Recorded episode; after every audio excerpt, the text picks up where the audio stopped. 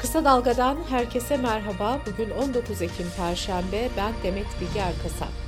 Gündemin öne çıkan gelişmelerinden derleyerek hazırladığımız Kısa Dalga bültene başlıyoruz. 17 Ekim 2023 insanlık tarihine kara bir sayfa olarak eklendi. İsrail'in önceki akşam Gazze'deki El Ehli Baptist Hastanesi'ne düzenlediği saldırıda çoğu çocuk 500'den fazla Filistinli öldürüldü. İsrail'in vurduğu sırada hastanede yüzlerce yaralı hasta ve yerlerinden edilmiş insanlar vardı. Yetkililer enkaz altında da yüzlerce kişinin kalmış olabileceğini söyledi. BBC'ye isim vermeden konuşan bir doktor hastane kompleksinde saldırı sırasında 4000 kadar kişinin sığınmış halde bulunduğunu belirtti. Filistin yönetimi 3 günlük yası ilan etti. Mısır sınırında Refah sınır kapısı ve yine Filistinlilerin sığındığı mülteci kampları da bombardımanlarda hedef alındı. Filistin Sağlık Bakanlığı 7 Ekim'den bu yana İsrail'in düzenlediği saldırılarda 3300 kişinin öldürüldüğünü ve en az 13.000 kişinin de yaralandığını açıkladı. İsrail'in hastane katliamına Türkiye'den ve dünyadan tepki yağdı. Katliam dünyanın dört bir yanında sokaklarda protesto edildi. ABD, Lübnan, Ürdün, Libya, Fas, Porto Rico, Hollanda, Kanada, Kolombiya ve Türkiye'nin birçok kentinde eylemler düzenlendi. Amerika'da Beyaz Saray önünde yapılan eylemlerde Filistin soykırımına son ve Netanyahu savaş suçlusudur yazılı pankartlar taşındı. Üç gün yas ilan edilen Ürdün'de ise başkent Amman'daki İsrail Büyükelçiliği önünde toplanan protestocular Filistin bayraklarıyla eylem yaptı. Ürdün polisi Büyükelçilik binasına girmek isteyen eylemcilere gaz bombasıyla müdahale etti. Türkiye'nin birçok kentinde de önceki akşam sokağa çıkanlar İsrail'i protesto etti. İstanbul'da bir kişi kalp krizi geçirerek yaşamını yitirdi, beş kişi de gözaltına alındı. Hastane katliamına Türkiye ve dünyadan sert tepkiler ve kınama mesajları geldi. Birçok ülke hastane katliamını insanlık dışı suç olarak nitelendirdi. Cumhurbaşkanı Erdoğan, tarihte benzeri olmayan bu vahşeti durdurmak için tüm insanlığı harekete geçmeye davet ediyorum dedi. Mecliste grubu bulunan tüm siyasi partiler İsrail'in hastane saldırısını ortak bildiriyle kınadı. Açıklamada şu ifadeler kullanıldı. İnsanlık suçu olan bu saldırıları en şiddetli biçimde kınıyoruz. Bu vahşetin durdurulması için dünya parlamentolarını, uluslararası toplum ve kuruluşlarını tutum ve inisiyatif almaya davet ediyoruz.'' CHP Genel Başkanı Kemal Kılıçdaroğlu ise lafa eğip bükmeye hiç gerek yok. İsrail insanlığa karşı suç işlemiştir. Bunun adı cinayettir, katliamdır. Lanetliyorum dedi.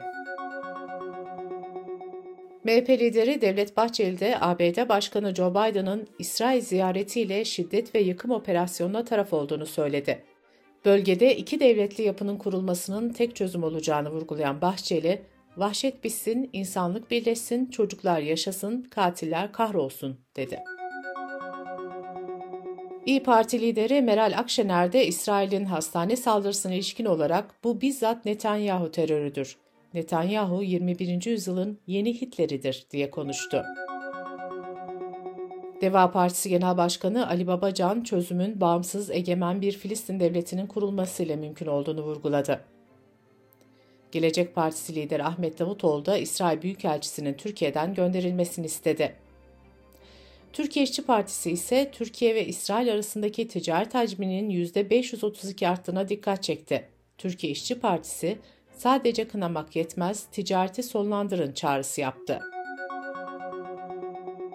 Sağlık Bakanı Fahrettin Koca, Türkiye'nin bölgeye gemi hastane göndermeye, Gazze'de ya da Refah sınır kapısına yakın noktalarda sahra hastaneleri kurmaya hazır olduğunu belirtti. Bakan Koca, yaşadığımız bu günler insanın insanlığın yanında yer alıp almama tercihinin yapıldığı tarihi günlerdir, dedi. Türk Tabipleri Birliği de Gazze'deki hastane saldırısını protesto etmek için sağlık çalışanlarının yakalarına siyah kurdele takacağını duyurdu. Türk Tabipleri Birliği, Birleşmiş Milletler ve Dünya Tabipler Birliği'ni göreve çağırdı ve insanlığa karşı işlenen suçların karşısında durun, dedi. Türkiye Barolar Birliği de İsrail'in Gazze'yi tamamen boşaltmak üzere yok etmeye dönük saldırısı savaş ve soykırım suçudur açıklaması yaptı.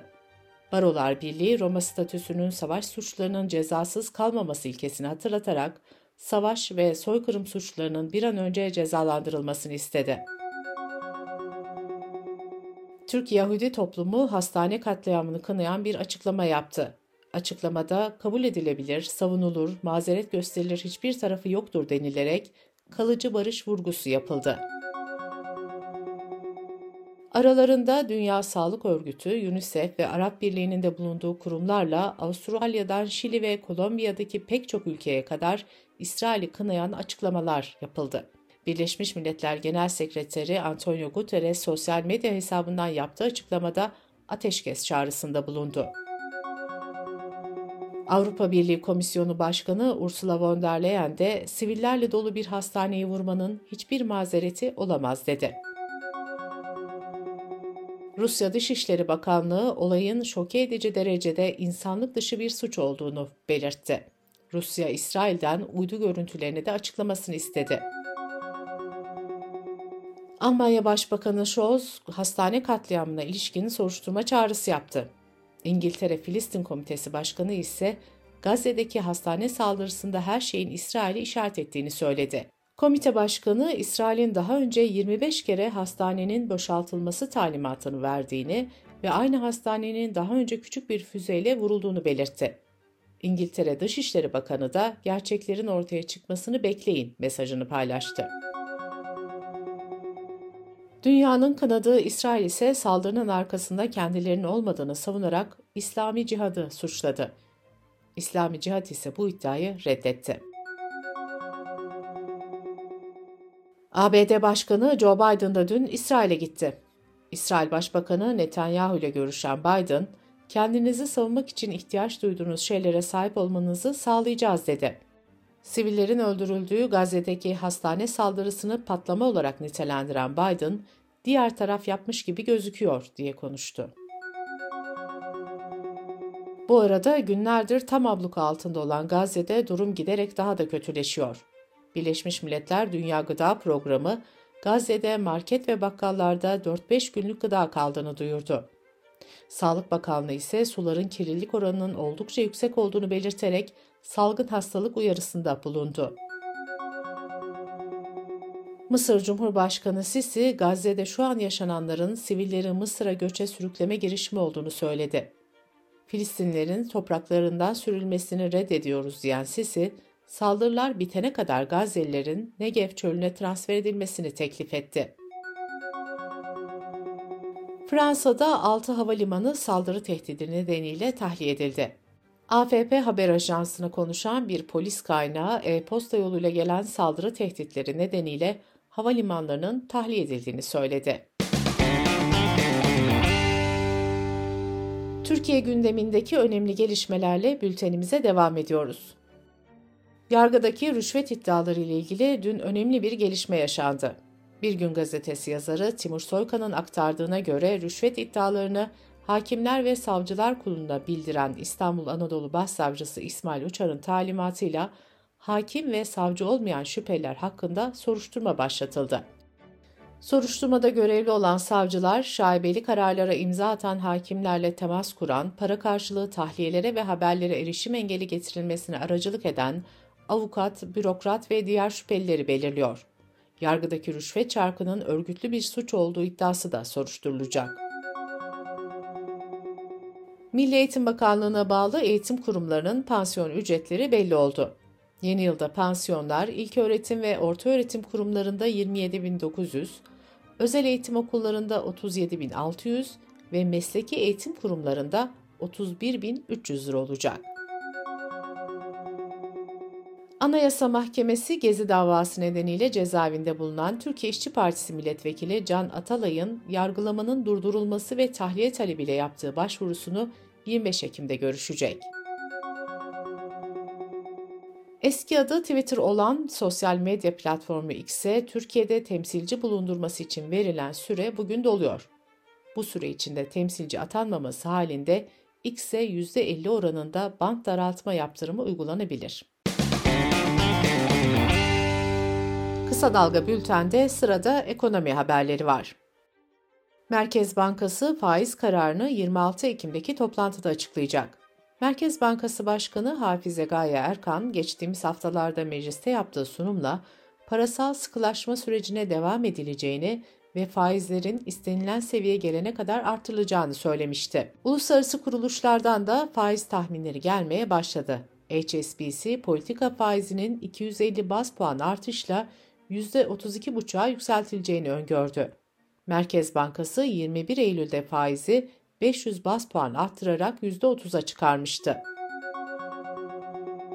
Bankalar post cihazı kullanan işletmelere uyguladığı 0.49 ila 0.79 seviyesindeki komisyon oranını %3,5'a çıkardı. Cumhuriyet'in haberine göre alınan kararın ardından rekor sayıda işletme bankalarla olan anlaşmalarını iptal etme yoluna gitti. Meclisin 2024 yılı bütçesine ilişkin görüşme takvimi belli oldu. 26 Ekim Perşembe günü Plan ve Bütçe Komisyonu'nda bütçenin geneli üzerindeki görüşmeler yapılacak. Bakanlık ve kurumların 2024 yılı bütçe görüşmeleri 24 Kasım Cuma günü tamamlanacak. 2024 yılı bütçesinin 4-15 Aralık'ta Meclis Genel Kurulu'na gelmesi bekleniyor. Bültenimizi kısa dalgadan bir öneriyle bitiriyoruz. Yeşim Özdemir Kitap Konu Kahve Podcast serisinde Berrak Yurdakul'u ağırlıyor. Kitap Konu Kahve'yi kısa dalga.net adresimizden ve podcast platformlarından dinleyebilirsiniz.